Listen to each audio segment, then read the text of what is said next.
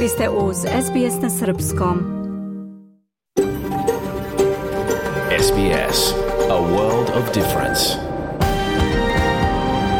You're with SBS Serbian on mobile, online and on radio. Vi ste uz SBS na Srpskom, na mobilnom, na internetu i na radiju. SBS odaje priznanje tradicionalnim vlasnicima zemlje sa koje danas emitujemo program na srpskom. Ovim izražavamo poštovanje prema narodu Kemriga, ali njegovim prošlim i sadašnjim starešinama. Takođe odajemo priznanje tradicionalnim vlasnicima zemlje i svih aboriđinskih naroda i naroda ostrva Toresovog Moreuza na čijoj zemlji slušate naš program. Dobar dan, danas je četvrtak 26. oktobar 2023. Ja sam Branko Cvetojević.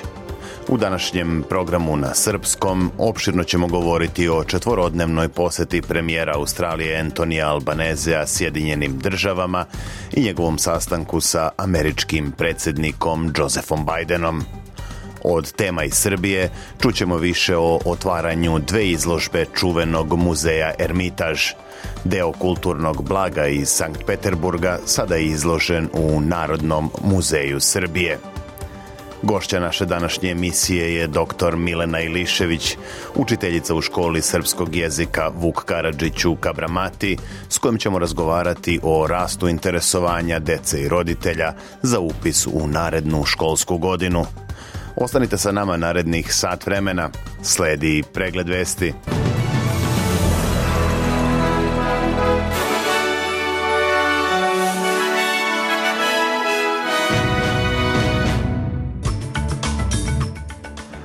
Albaneze i Biden potvrdili čvrsto diplomatsko partnerstvo Australije i Sjedinjenih država. Izraelski premijer Netanjahu najavio kopnenu invaziju na gazu, palestinske zastave na opštini Blacktown u Sidneju. Vučić i Kurti se neće sastati u Briselu tokom predstojećih razgovora o situaciji na Kosovu.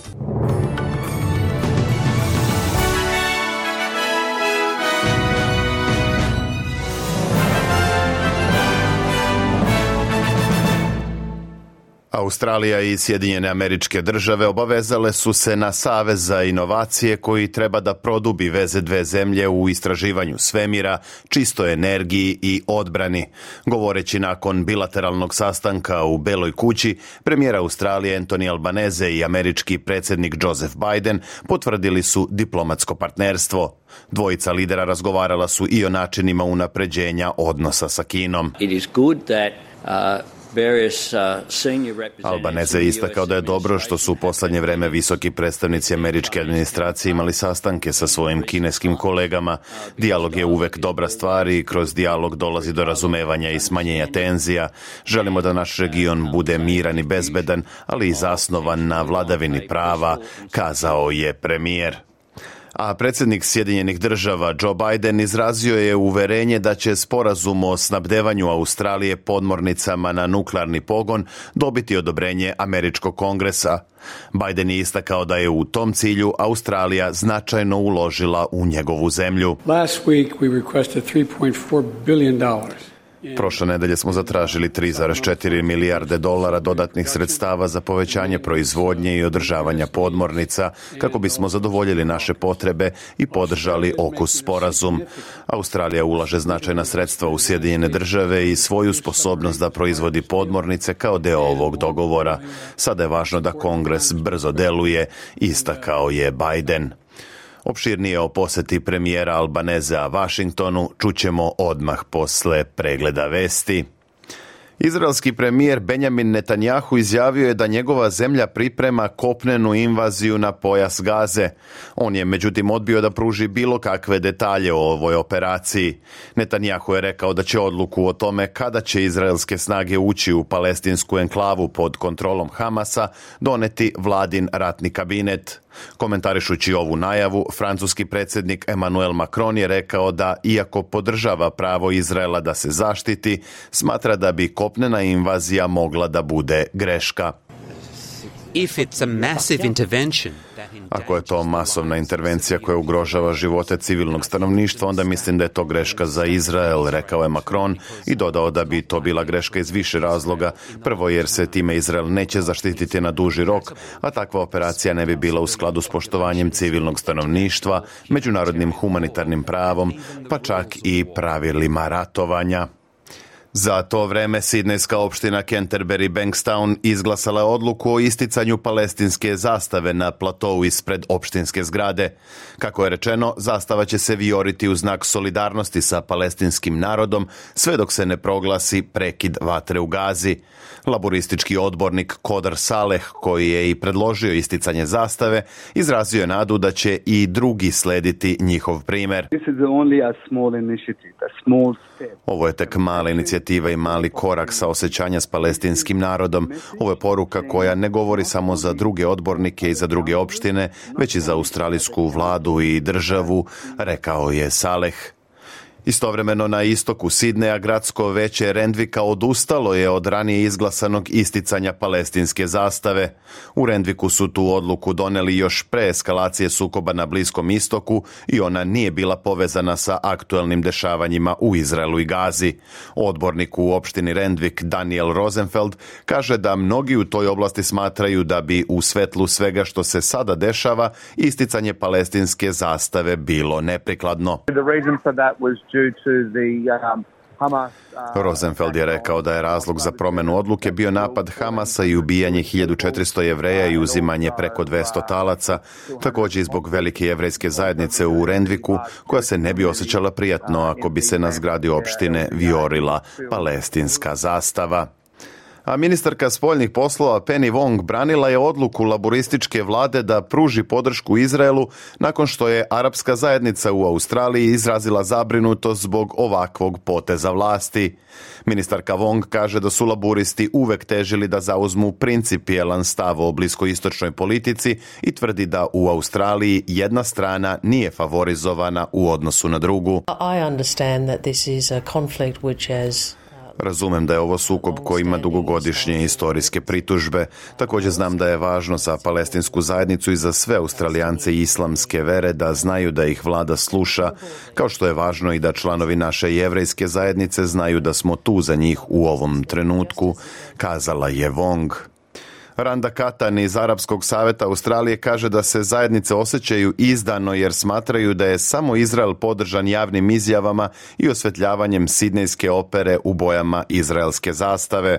Takođe, Nasser Maskni iz Australijske palestinske zastupničke mreže kaže da vlada ne radi dovoljno diplomatski. We look forward to the day when our foreign minister Radujemo se danu kada će se naša ministarka spoljnih poslova suprotstaviti Izraelu i zatražiti da se primeni međunarodno humanitarno pravo. Danu kada će reći sada je dosta, tražimo prekid vatre i humanitarnu pomoć odma. Guvernerka Banke državnih rezervi Australije Michelle Bullock izjavila je da su novi kvartalni podaci o inflaciji veći od njenih poslednjih predviđanja.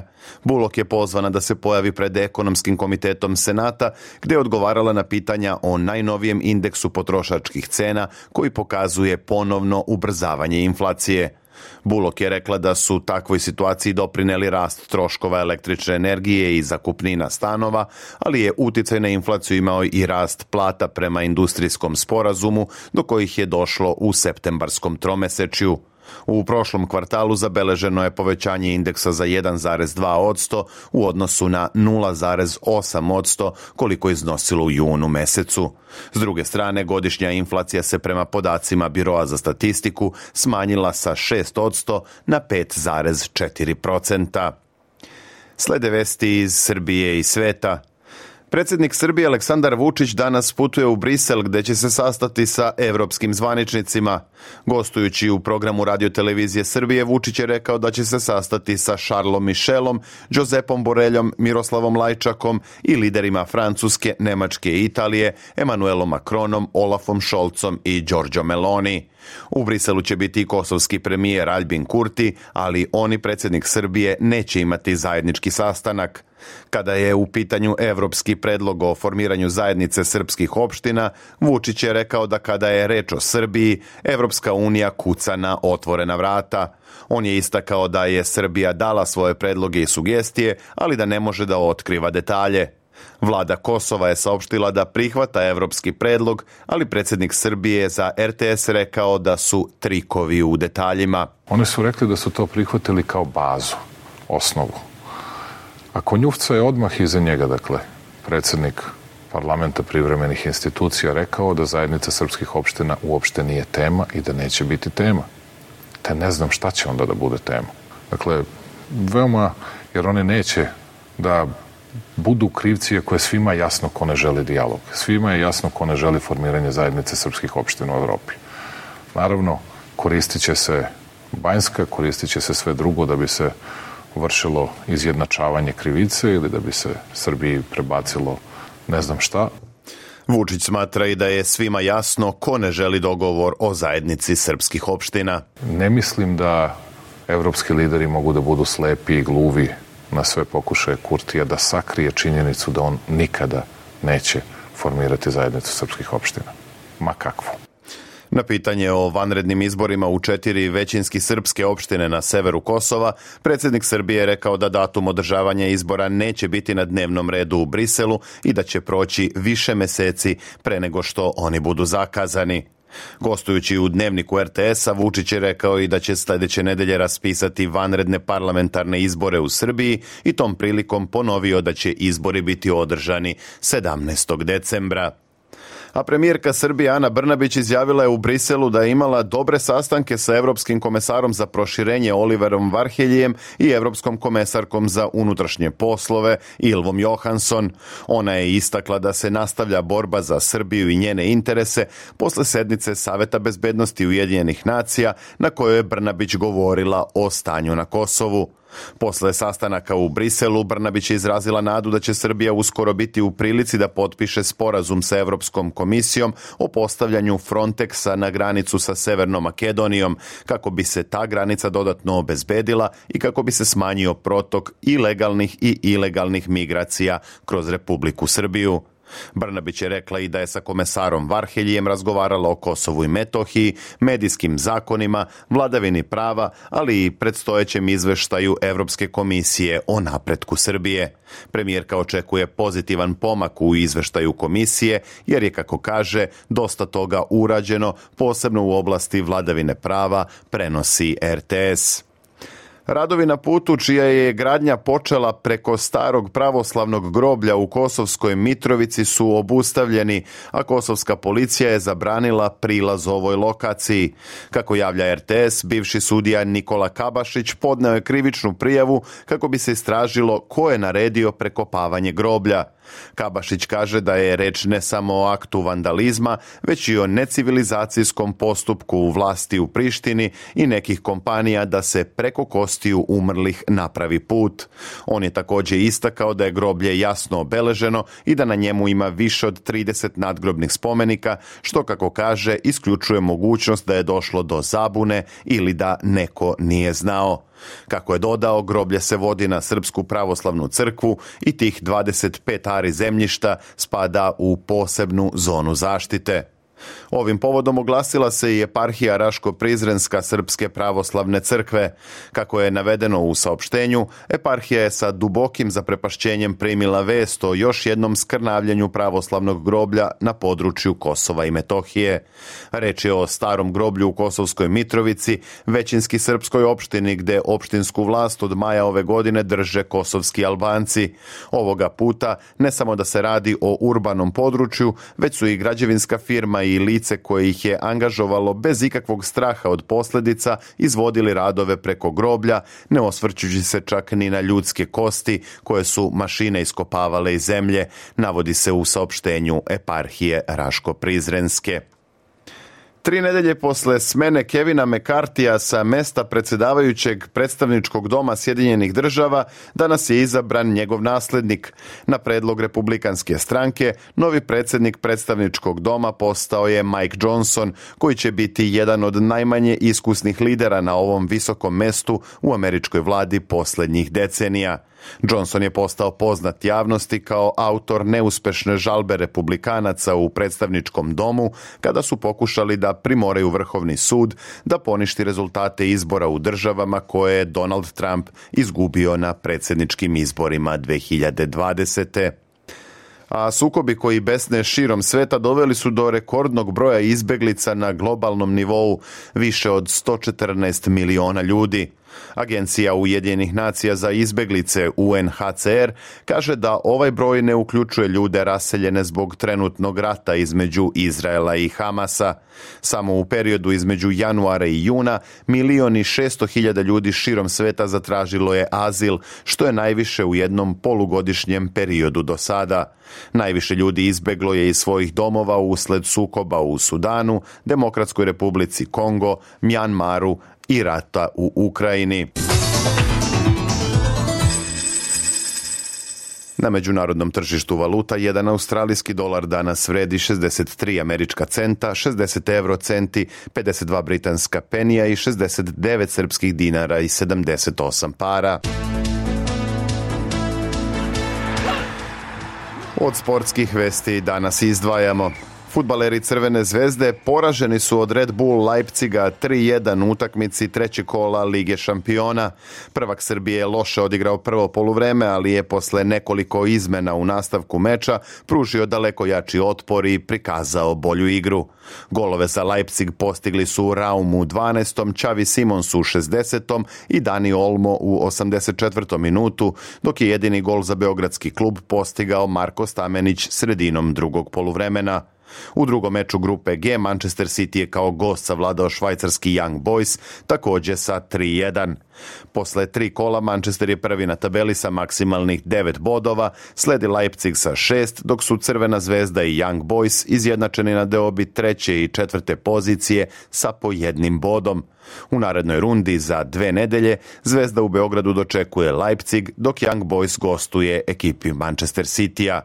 Od ostalih mečeva Lige šampiona odigranih ovog jutra treba istaći pobedu Paris Saint-Germaina protiv Milana 3-0, kao i triumf Borusije iz Dortmunda na gostovanju Newcastle 1 prema 0.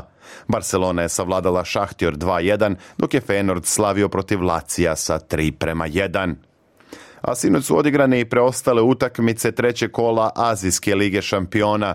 Jedini predstavnik Australije ekipa Melbourne Citya zabeležila je pobedu na Tajlandu protiv Buriram Uniteda 2 prema 0.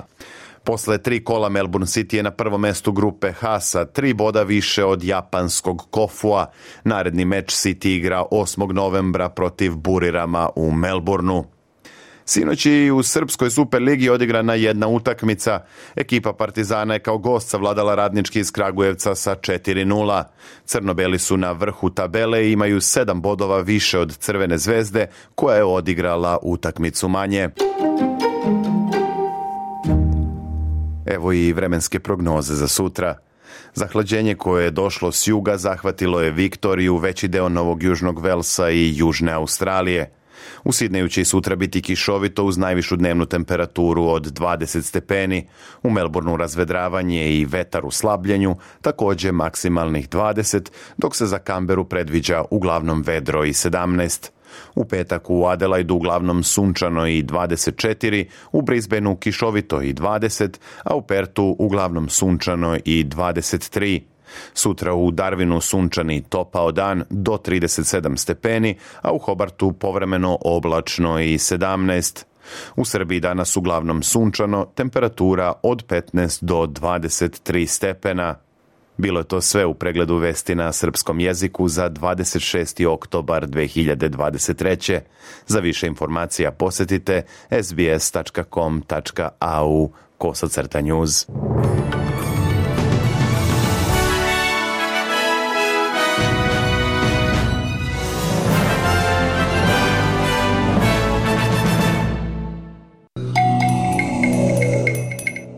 Slušate SBS na srpskom jeziku. Vest o izboru novog predsednika predstavničkog doma Američkog kongresa ponovo je pojačala nade da bi važan sporazum Sjedinjenih država i Australije konačno mogao da bude odobren. Reč je o prodaji američkih podmornica na nuklearni pogon na australijskoj vojsci, što je ranije dogovoreno u sklopu pakta AUKUS. Ovo je bila jedna od brojnih tema na sastanku američkog predsednika i australijskog premijera u Vašingtonu. Biden je na zajedničkoj konferenciji za medije s Albanezeom potvrdio da će apelovati na kongres da što pre odobri realizaciju sporazuma o podmornicama. Opširnije u narednom osvrtu dok su američki predsednik Joe Biden i gostujući australijski premijer Anthony Albanizi održavali konferenciju za štampu u vrtu ispred Bele kuće, u podne u sredu po vašingtonskom vremenu oko 3.30 ovog jutra po australijskom istočnom, republikanski kongresmen iz Luizijane Mike Johnson izabran je za predsednika predstavničkog doma kongresa – posle višenedeljnog haosa i nekoliko neuspelih krugova izbora kandidata. Johnson je ultrakonzervativni advokat, predstavnik vrednosti dubokog juga i blizak je bivšem predsedniku Sjedinjenih država Donaldu Trumpu. U Skupštinu Luizijane izabran je 2015. i kandidovao se za kongres 2016 predstavlja četvrti kongresni distrikt Luizijane koji se nalazi na severozapadu zemlje. Shodno tome, bit će najneiskusniji predsednik predstavničkog doma u poslednjih nekoliko decenija, piše glas Amerike. And we want our allies around the world to know that this body of lawmakers is reporting again to our duty stations. Let the enemies of freedom around the world hear us loud and clear. The People's House is back in business.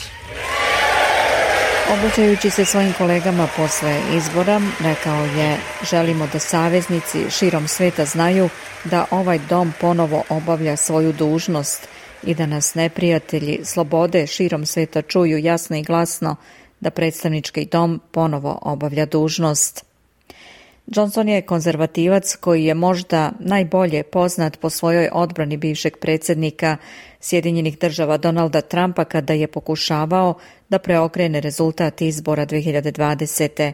Kao advokat je učestvovao u slučaju pokušaja da se ponište rezultati izbora u Pensilvaniji, gdje je pobedio Biden i pozvao Trumpa da nastavi da se bori. Izborom Johnsona je okončan višenedeljni zastoj u Kongresu zbog zabrinutosti da bi odobravanje AUKUS sporazuma o podmornicama moglo biti odloženo ili naići na jaku uh, opoziciju.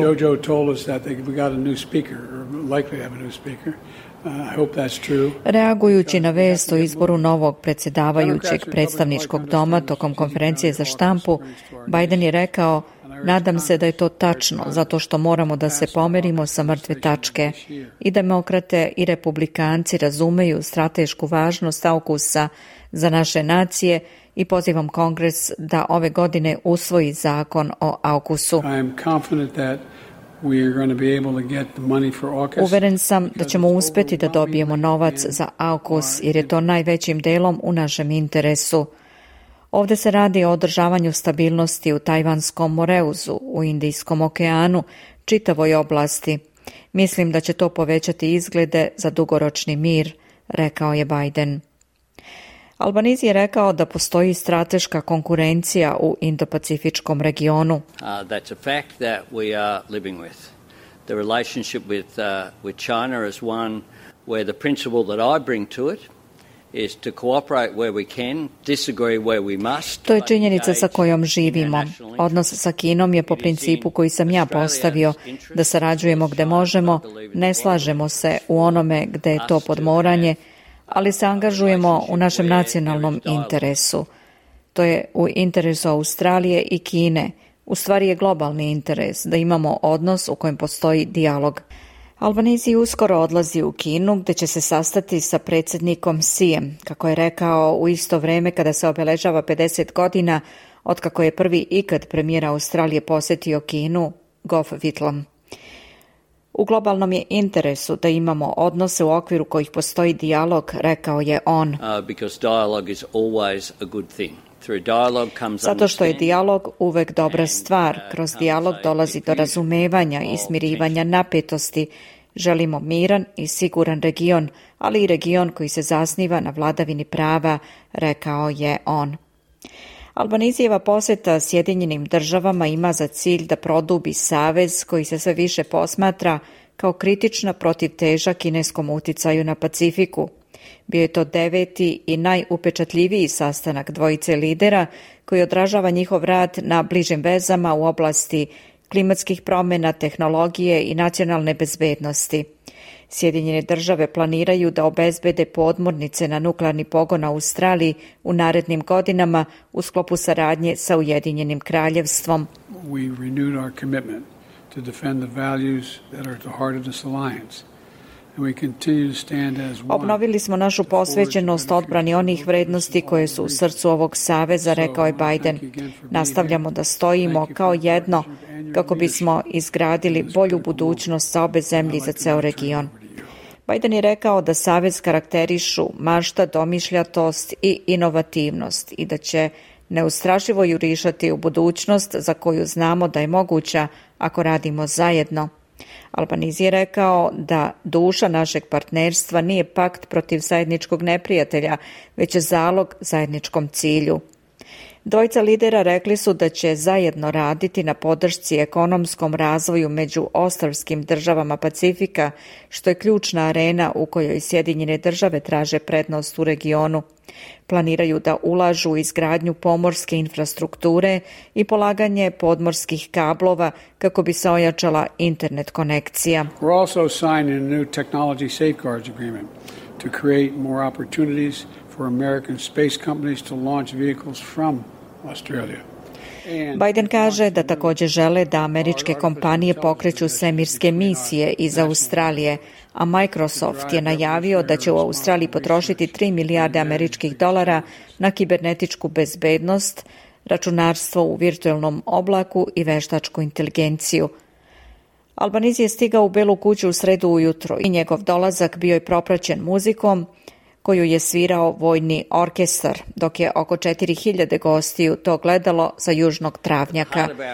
Prijateljstvo među narodima, rekao je on, stvoreno je u teškim vremenima. Zajedno smo ratovali i žrtvovali se u cilju mira, pomagali smo jedni drugima u prirodnim katastrofama. Australija i Amerika dele bogatu istoriju, ali mi gledamo u budućnost. Naš odnos nikad nije bio važniji ili jači nego što je sada, rekao je on. alliance, the alliance between Australia and the United States is an anchor. And I believe this from every fiber of my being, an anchor to peace and prosperity in the Indo-Pacific.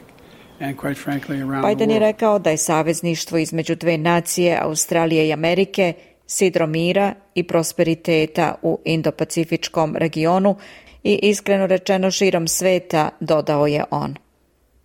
Prema protokolu, tokom večeri upriličena je državna večera za premijera Australije u Beloj kući. SBS na Srpskom, ja sam Biljana Ristić.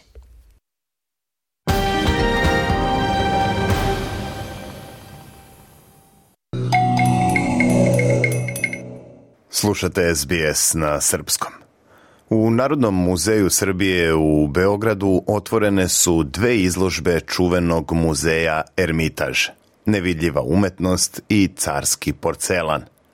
Ove izložbe održavaju se u sklopu manifestacije Dani Ermitaža u Srbiji, tokom koje će se do 29. oktobra predstaviti kulturno blago muzeja u Sankt Peterburgu, praćeno raznim drugim umetničkim sadržajima. Opširnije Hranislav Nikolić. Dani Ermitaža u Srbiji počeli su utorak u Narodnom muzeju otvaranjem dve izložbe istovremeno, Nevidljiva umetnost i Carski porcelan. Na ovoj manifestaciji do 29. oktobra biće predstavljeno kulturno blago muzeja u Sankt Peterburgu uz prateće programe kao što je na primjer nastup baleta Jakobson u Narodnom pozorištu u Beogradu. Potpredsednica vlade i ministarka kulture Maja Gojković otvarajući izložbe je napomenula da će se u narednim nedeljama srpskoj publici predstaviti tri stožerne tačke ruske kulture, nasleđe Ermitaža, jednog od najznačajnijih svetskih muzeja, balet i klasična muzika.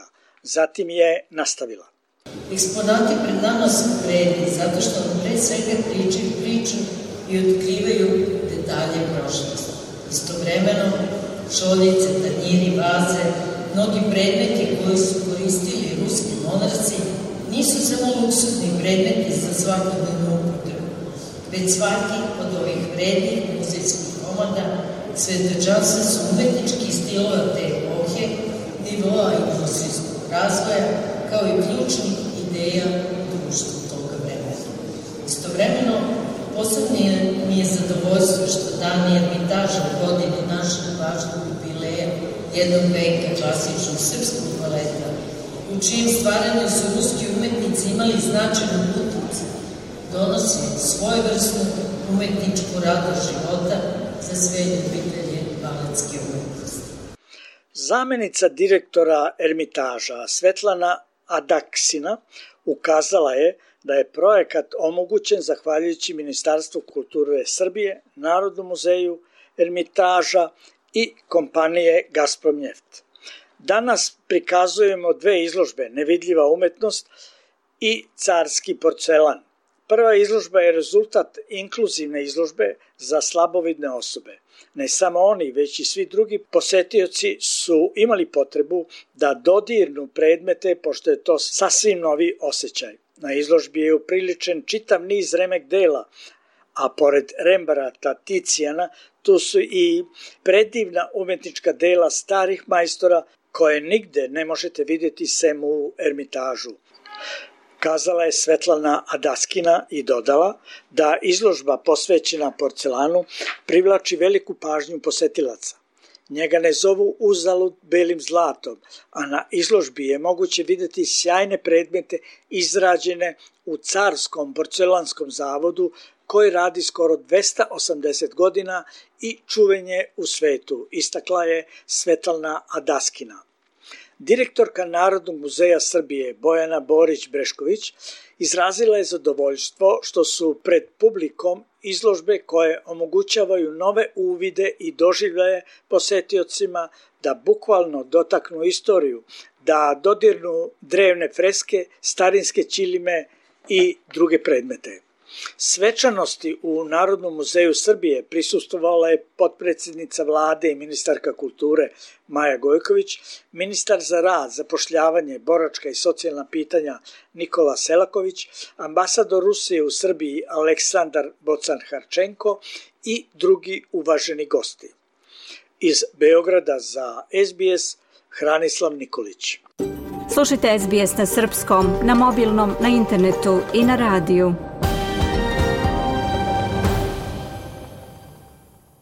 Naredne minute našeg programa posvetit ćemo nauci.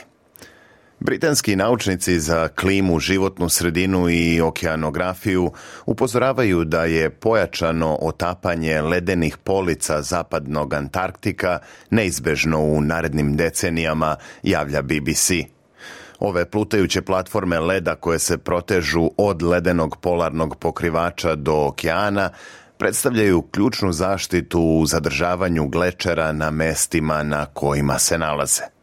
Nova studija pokazuje da će se otapanjem ledenih polica ne samo osloboditi velike količine vode, već će doći i do ubrzavanja leda u glečerima iza njih, a to bi moglo da dovede do oslobađanja još veće količine vode u okeane. Nalazi studije ukazuju na to da bi usled ovakvih dešavanja oko Antarktika budući porast nivoa mora mogao da bude veći nego što se ranije pretpostavljalo. Čini se da naši nalazi povećavaju verovatnoću da će trenutne procene povećanja nivoa mora biti premašene, rekla je za BBC dr. Caitlin Noten iz Britanskog centra za istraživanje Antarktika. Dr. Noten je inače glavni autor izveštaja. Poslednju procenu budućeg porasta nivoa mora Međuvladin panel za klimatske promene koji je inače telo Ujedinjenih nacija objavio je 2021. godine. Tada je predviđeno da će prosečan porast nivoa mora globalno biti između 28 cm i 1 metar i 1 cm do 2100. godine. Kao jedan od ključnih razloga za rast mora i okeana, u tom izveštaju je navedeno upravo topljenje glečera i ledenih pokrivača. U tekstu pod naslovom Nivo mora raste, neizbežno topljenje ledenih polica zapadnog Antarktika, BBC piše da porast nivoa mora od oko 5 metara možda ne zvuči mnogo, ali i toliko povećanje bi dovelo stotine miliona ljudi širom sveta u opasnost od plavljenja obala. Takođe, međuvladin panel za klimatske promene primetio i da je veći rast mora moguć zbog duboko neizvesnih procesa povezanih sa ledenim pločama. Ovo međutim nije direktno uključeno u njihove procene. Jedna od ovih ključnih neizvesnosti je i način interakcije između ledenog pokrivača i okeana. Najnovija naučna studija koja je objavljena u časopisu Nature Climate Change prva je koja direktno simulira kako će zagrevanje okeana uticati na ledene police na Antarktiku u zavisnosti od različitih nivoa emisije gasova staklene bašte. Kao primer se navodi Amundsenovo more koje se proteže uz obalu zapadnog Antarktika – Naučnici procenjuju da će se voda u ovom moru zagrevati otprilike tri puta brže od istorijskog nivoa tokom ostatka ovog veka. To zagrevanje će dovesti do mnogo bržeg topljenja ledenih polica. Studija takođe sugeriše da će se ovaj proces dogoditi čak i ukoliko čovečanstvo preduzme snažne korake na usporavanju globalnog zagrevanja. Ali, kako kaže dr. Noten za BBC, to nije razlog da se izbegava udaljavanje od fosilnih goriva. Naime, autori upozoravaju da je potrebno i dalje raditi na usporavanju otapanja leda na duži vremenski period, jer će nestajanje ledenih polica uticati i na ostatak zapadnog Antarktika. Inače, naučne studije ukazuju na to da antarktički ledeni pokrivač sadrži toliko leda da bi mogao da podigne globalni nivo mora za oko 58 metara ukoliko bi se potpuno otopio. Veći deo leda se održava na istočnom Antarktiku koji je relativno stabilan poslednjih godina i ne očekuje se njegovo urušavanje u bliskoj budućnosti ali i na zapadu je značajan deo ledenog pokrivača koji sadrži toliko leda čijim bi otapanjem mogao da se podigne nivo mora za oko 5 metara. Ova strana Antarktika se smatra manje stabilnom i poslednjih decenija primetno gubi masu. Naučnici upozoravaju da ovakve prilike predstavljaju poziv na buđenje čovečanstva, jer će nivo mora nastaviti da raste u narednim decenijama brže nego što se do sada predviđalo. To će zahtevati i da će društva širom sveta morati da se prilagođavaju jer smo izgleda izgubili kontrolu nad topljenjem ledenog pokrivača zapadnog Antarktika, zaključuje dr. Noten. S njom se slaže i Alberto Naveira Garabato, profesor fizičke okeanografije na Univerzitetu u Southamptonu. On kaže da su rezultati istraživanja otrežnjujući, ali da čovečanstvo ne sme da odustane od borbe – Još uvek možemo da sačuvamo ostatak antarktičkog ledenog pokrivača ako budemo izvukli pouke iz sobstvene neaktivnosti na ovom planu i ako počnemo da smanjujemo emisije gasova staklene bašte, rekao je profesor Garabato za BBC. Vi slušate SBS na srpskom. Ja sam Branko Cvetojević. SBS na srpskom. Podelimo priče na Facebook stranici Slušate SBS na srpskom. Školska godina u Australiji ušla je u posljednje četvrto tromesečje za 2023. Polako se privodi kraju i nastava u školama jezika, ali iako je do početka raspusta ostalo još nešto manje od dva meseca, neke škole već intenzivno rade na upisu đaka u narednu školsku godinu. Upravo takav primer je i škola srpskog jezika Vuk Karadžić u Kabramati jer kako smo čuli iz ove obrazovne ustanove interesovanje za upis veće je nego u prethodnih nekoliko godina. O ovoj i drugim temama danas ću razgovarati sa nastavnicom Milenom Ilišević iz škole u Kabramati, koja inače radi pod okriljem Sabornog hrama Svetog Georgija. Milena, dobar dan i dobrodošli u program SBS radija. Dobar dan, hvala na pozivu. Za početak kažite nam koliko imate đaka ove godine i kako napreduje njihovo sticanje znanja iz maternjeg jezika? Pa, škole srpskog jezika zaista u dijaspori imaju mnogo veću ulogu nego što, je, što su naše škole u Srbiji. A, to ljudima možda na prvi pogled ne izgleda tako, ali nije to samo učenje e, srpskog jezika, to je učenje i naše tradicije, istorije, kulture. Za mnogo deca to je jedini način, za većinu možda dece u Australiji jedini način da, da nauče, sistematski nauče o, o srpskoj kulturi i istoriji, jer nemaju svi priliku da imaju srpski jezik u svojim redovnim školama. Nažalost, za vreme covid ne samo u našoj školi, nego generalno u aktivnostima i ovde i u Matici, smanjio se broj učenika, ali vidimo da evo već ove godine je malo drugačija situacija. E, trenutno naša škola radi u dva razreda, e, znači deca su podeljena u nižu grupu gde su deca koje tek počinju da uče srpski jezik ili su na nekom e, malo nižem nivou što se tiče i znanja i pisanja i čitanja, dok imamo veću grupu sa kojom se radi, da kažem, na neki, ne na način kako se radi u Srbiji, ali to su deca koje mogu potpuno da komuniciraju, čitaju fluentno, pišu, znači deca koje se spremaju za srednju školu. Pomenuli ste, rekao sam ja u uvodu, da interesovanje za upis dece u škole srpskog jezika raste u poslednje vreme. Da li je upravo to razlog što ste već sada krenuli sa upisom za narednu godinu pre nego što je tekuća školska godina i završena? A, pa, jeste, tako je. Mislim da je, ve, da je vrlo važan razlog otvaranje granica, vraćanje aviona i sve ono kroz što smo svi prošli. Zapravo mogućnost da ljudi mogu ponovo da idu u Srbiju, što se odrazilo i na interesovanje za, za školu srpskog jezika svi znamo da do prošle godine se odlazilo na odmore, ali vrlo sa nekom rezervom i e, nije mnogo ljudi išlo zbog čitave situacije, dok ove godine potpuno druga situacija. Znači kad roditelji jednom shvate da deca mogu da odu u Srbiju, onda imaju mnogo veći motiv da deca nauče srpski jezik. Čini mi se da je to jedan od razloga zašto je, se, zašto je povećano interesovanje za učenje srpskog jezika. Neka deca su nam se već priključila u ovom tromesečju, iako je već kraj godine, dopustimo nekoj deci koji su zainteresovane da eto malo a, dobiju neki osjećaj kako radimo šta radimo kako bi mogli naredne godine da regularno krenu da u svetsku školu. I zato smo odlučili da ove godine krenemo e, sa upisom malo ranije. Obično je upis na početku školske godine, međutim e, sa upisom smo krenuli već evo početkom ovog tromeseča. Spomenuli ste da pored učenja srpskog jezika, đaci škole Vukaradžić stiču i druga znanja o zemlji svog porekla i tradiciji srpskog naroda. Šta je uključeno u tu nastavu i kako deca usvajaju to gradivo kojim ih učite?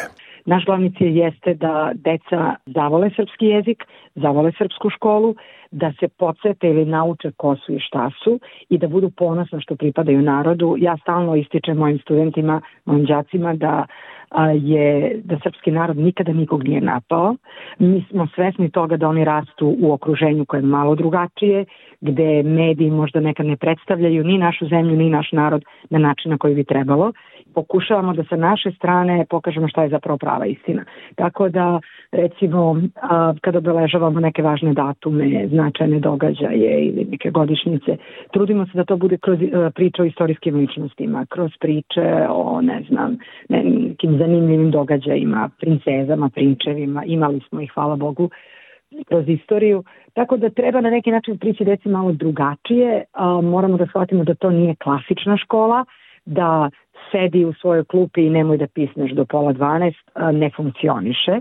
Znači treba možda prići malo drugačije toj deci i ono što poslednje vreme radimo je učenje kroz igru, metod koji se koristi u Srbiji u nekim školama, koji se koristi čak i na srpskoj televiziji, postoje neki novi kvizovi koji insistiraju na učenju kroz igru i kroz pokret i to se pokazalo mnogo efikasnije u ove školi nego što bi bila neka, neko klasično učenje.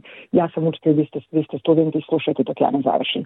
Jednostavno, um, pogotovo što je ovo uh, škola u kojoj deca, dosta te deca nikad nije otišlo u Srbiju, neki jesu, a nekima roditelji nikad nisu otišli uh, u Srbiju, neka deca dolaze iz mešovitih brakova gde je samo jedan roditelj, srbin ili srpkinja, još jedan problem je što se deca susreću sa, u Australiji, pogotovo ovde na jako malom prostoru u zapadnom Sidneju, susreću sa velikim brojem dijalekata, što u Srbiji nije slučaj, ako odrastate u jednom kraju, imate književni jezik u školi, imate dijalekat koji se govori kod kuće. Ovde se deca susreću sa mnogo dijalekata u isto vreme i to predstavlja problem. I ako vi insistirate da se sve što deca dijalekatski izgovore u školi ispravi i prevede u književnu varijantu, izgubit ćete deče poverenje, izgubit ćete interesovanje. Stvari nije lako, mnogo je teže predavati srpske. Ja sam po osnovnom obrazovanju profesor srpskog, još kod nas u Srbiji i mnogo je teže predavati srpski u dijaspori nego predavati srpski u Srbiji, ali ono trenutka kad vam deca priđu i kažu učiteljice, mislim tu sve prestaje zaista najveća titula koju, koju jedan ovaj, prosvetni radnik može bar ove da, da ima. Pojedine škole srpskog jezika u Australiji uključile su se u program koji je pokrenut na inicijativu ambasade Republike Srbije, a gde se dopunska nastava srpskog obavlja prema nastavnom planu Ministarstva prosvete Srbije. Da li je škola u kojoj vi radite imala kontakt sa ambasadom u vezi sa tim programom i postoji li možda plan da se priključite? A, meni je to negde prošlo kroz ruke kao informacija, ali ne informacija koju smo zvanično dobili od ambasade. Nažalost, ambasada nas još nije kontaktirala, tako da nismo uključeni u taj program za sada. Milena, pošto se škola Vuk Karadžić nalazi na zapadu Sidneja u Kabramati, Da li primate samo decu koja prema mestu stanovanja gravitiraju kao ovom delu grada ili su vrata otvorena i za mališane iz drugih delova Sidneja? Ne, ne, naravno, nismo, nismo vezani za, za prostor, da tako kažem, imamo dece koja dolaze iz malo dalje, znači iz drugih delova Sidneja. Neka deca su prešla kod nas u školu zato što smo škola koja insistira na čirilici. Znam da ima škola koje predaju srpski jezik na latinici, tako da ima roditelja koji jednostavno žele da deca nauče čirilicu, jer latinica latinicu, svejedno, mislim, sa par različitih slova, znaju zbog engleskog. Još jedan razlog je što je naša škola posveti dva i po sata intenzivno učenju jezika, kulture, tradicije, znači nemamo kombinaciju sa drugim aktivnostima, veronauka se sprovodi kroz odlazak na službu, na kraju ovaj, nastave deca odlaze na službu u crkvu. Naravno, sveštenik proteđuro nam ovaj, se pridruži kad su veliki pravoslavni praznici u pitanju. Ponekad na početku nastave pre službe odvedemo decu u crkvu gde možemo da im pokažemo ikone, da ispričamo neke važne stvari kad crkva nije, nije puna naroda, znači kad, je, kad deca onda mogu drugačije malo da, da vide šta se dešava oko njih nego na samoj, na samoj službi. Dakle, postoji dosta razloga zašto deca čak i iz drugih delova Sidnija dolaze upravo u ovu školu. Škola je pod um, a, pokroviteljstvom Narodnog ministarstva prosvete u Australiji, znači radimo sve izveštaje šaljemo, šaljemo ministarstvu, tako da se na, naša deca prilično dobro pripremljena za srednjoškolsku nastavu, koja se u zapadnom Sidneju odvija ovaj subotom, tako da mogu da nastave srpski jezik kao regularni predmet u srednjim školama jako dobre rezultate deca iz Kavrmate postižu. To nam je neki reper i neki, e, neki ovaj pokazatelj da ono što radimo zaista ima, ima efekt. Milena, istakao bih još jednu stvar. E, vi ste po obrazovanju doktor lingvistike i zaposleni ste na Univerzitetu Zapadnog Sidneja. E, da li postoji mogućnost da srpski jezik dobije svoju katedru na nekom od univerziteta u, u, u Sidneju ili bilo gde u Australiji u bliskoj budućnosti? Sad ste me dirnuli bolnu tačku. Na Makvoriju je bio svoje vremeno, prednim da kod ja dođem u Australiju, bila katedra srpski, nažalost zatvorena je iz raznih razloga. Nije kriva australijska država, pošto Hrvatska katedra i dalje postoji. Nekad moji kolega tamo predaju. Uh, ja sam, kad sam došla na Western Sydney, moja prva, um, prvi motiv je bio da se uradi nešto za srpski jezik i za srpsku književnost isticam okolnosti dobila sam odrešene ruke da dizajniram jedan predmet koji sam radila u okviru um, letnje škole na fakultetu, znači između dva semestra kada studenti, u stvari dve školske godine, kada studenti mogu neke dodatne predmete da rade. Um, meni je bukvalno rečeno, evo, od, odrešene ruke stavi srpski jezik književnost na koji god način hoćeš. što je bio predmet koji se bavio dvojezičnim pisima i jedna od književnosti koju sam, koju sam tamo pokrila bila je srpska književnost. To je bilo jako zanimljivo, uspešno, međutim to je samo bio izborni predmet. Ono što ja radim na svoju ruku nekako je da, pošto sva moja predavanja imaju moto na početku, ja sam pisao na kraju krajeva i bila nekad, i dan danas ih žena s moja najveća ljubav, e, svaki moto je uglavnom e, iz nekog dela srpskog pisca. I koristim da onako promovišem srpsku književnost koliko god mogu, iako moji studenti nisu. I uvek imam srpskih studenta, ali nisu Srbi ja se nadam da će jednog dana ovaj, moći da, da, da se, ali sve to zavisi od broja studenta koji dođu na fakultet. Ostaje da se iskreno nadamo da će se jednog dana taj vaš san ipak ispuniti, a za kraj ovog razgovora, da li biste našim slušalcima mogli da kažete do kada traje upis u školsku 2024. i šta je potrebno da roditelji urade kako bi upisali svoju decu u školu srpskog jezika Vukaračića? Upis će trajati i početkom naredne godine, naravno čitav februar. Roditelji bi samo trebalo da dođu negde pre 9 sati u Kabrimatsku crkvu, odnosno u ovaj kancelariju. Moj neki savet i naše generalno iskustvo u školi je da je najbolje da deca prvo završe kindergarten u engleskoj školi kako bi naučila prvo engleski alfabet i onda se, onda se lakše prebacuju na, na Čirilicu. Mislim, ja sam to uradila i svojim detetom, jer je malo deci preteško da prate u tom uzrastu sa pet godina da prate dva pisma paralelno. Nemo, ni to nije ograničenje, ali eto kažem, neki, neki ovaj, naša želja je da ipak dođu deca koja imaju neku vrstu pismenosti kako bi se moglo lakše preći na još jedan jezik. Čak mislim mi smo primili decu koje nemaju srpsko poreklo, ako ima takvi koji žele da uče srpski jezik i oni su dobrodošli. Milena, hvala vam mnogo na razgovoru i na izdvojenom vremenu. Želim vam puno uspeha u daljem radu. Hvala vam. Moja sagovornica bila je dr. Milena Ilišević, nastavnica iz škole srpskog jezika Vukarađiću u Kabramati. Slušate SBS na srpskom. Ja sam Branko Cvetojević.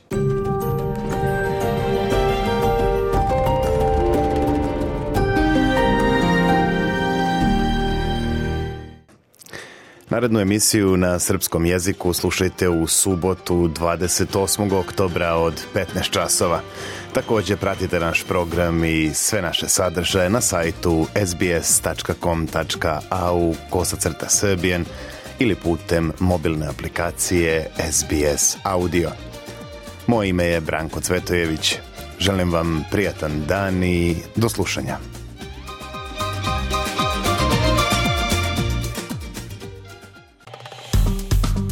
Dajte like, podelite, komentarišite. Pratite SBS Serbian Facebook profil.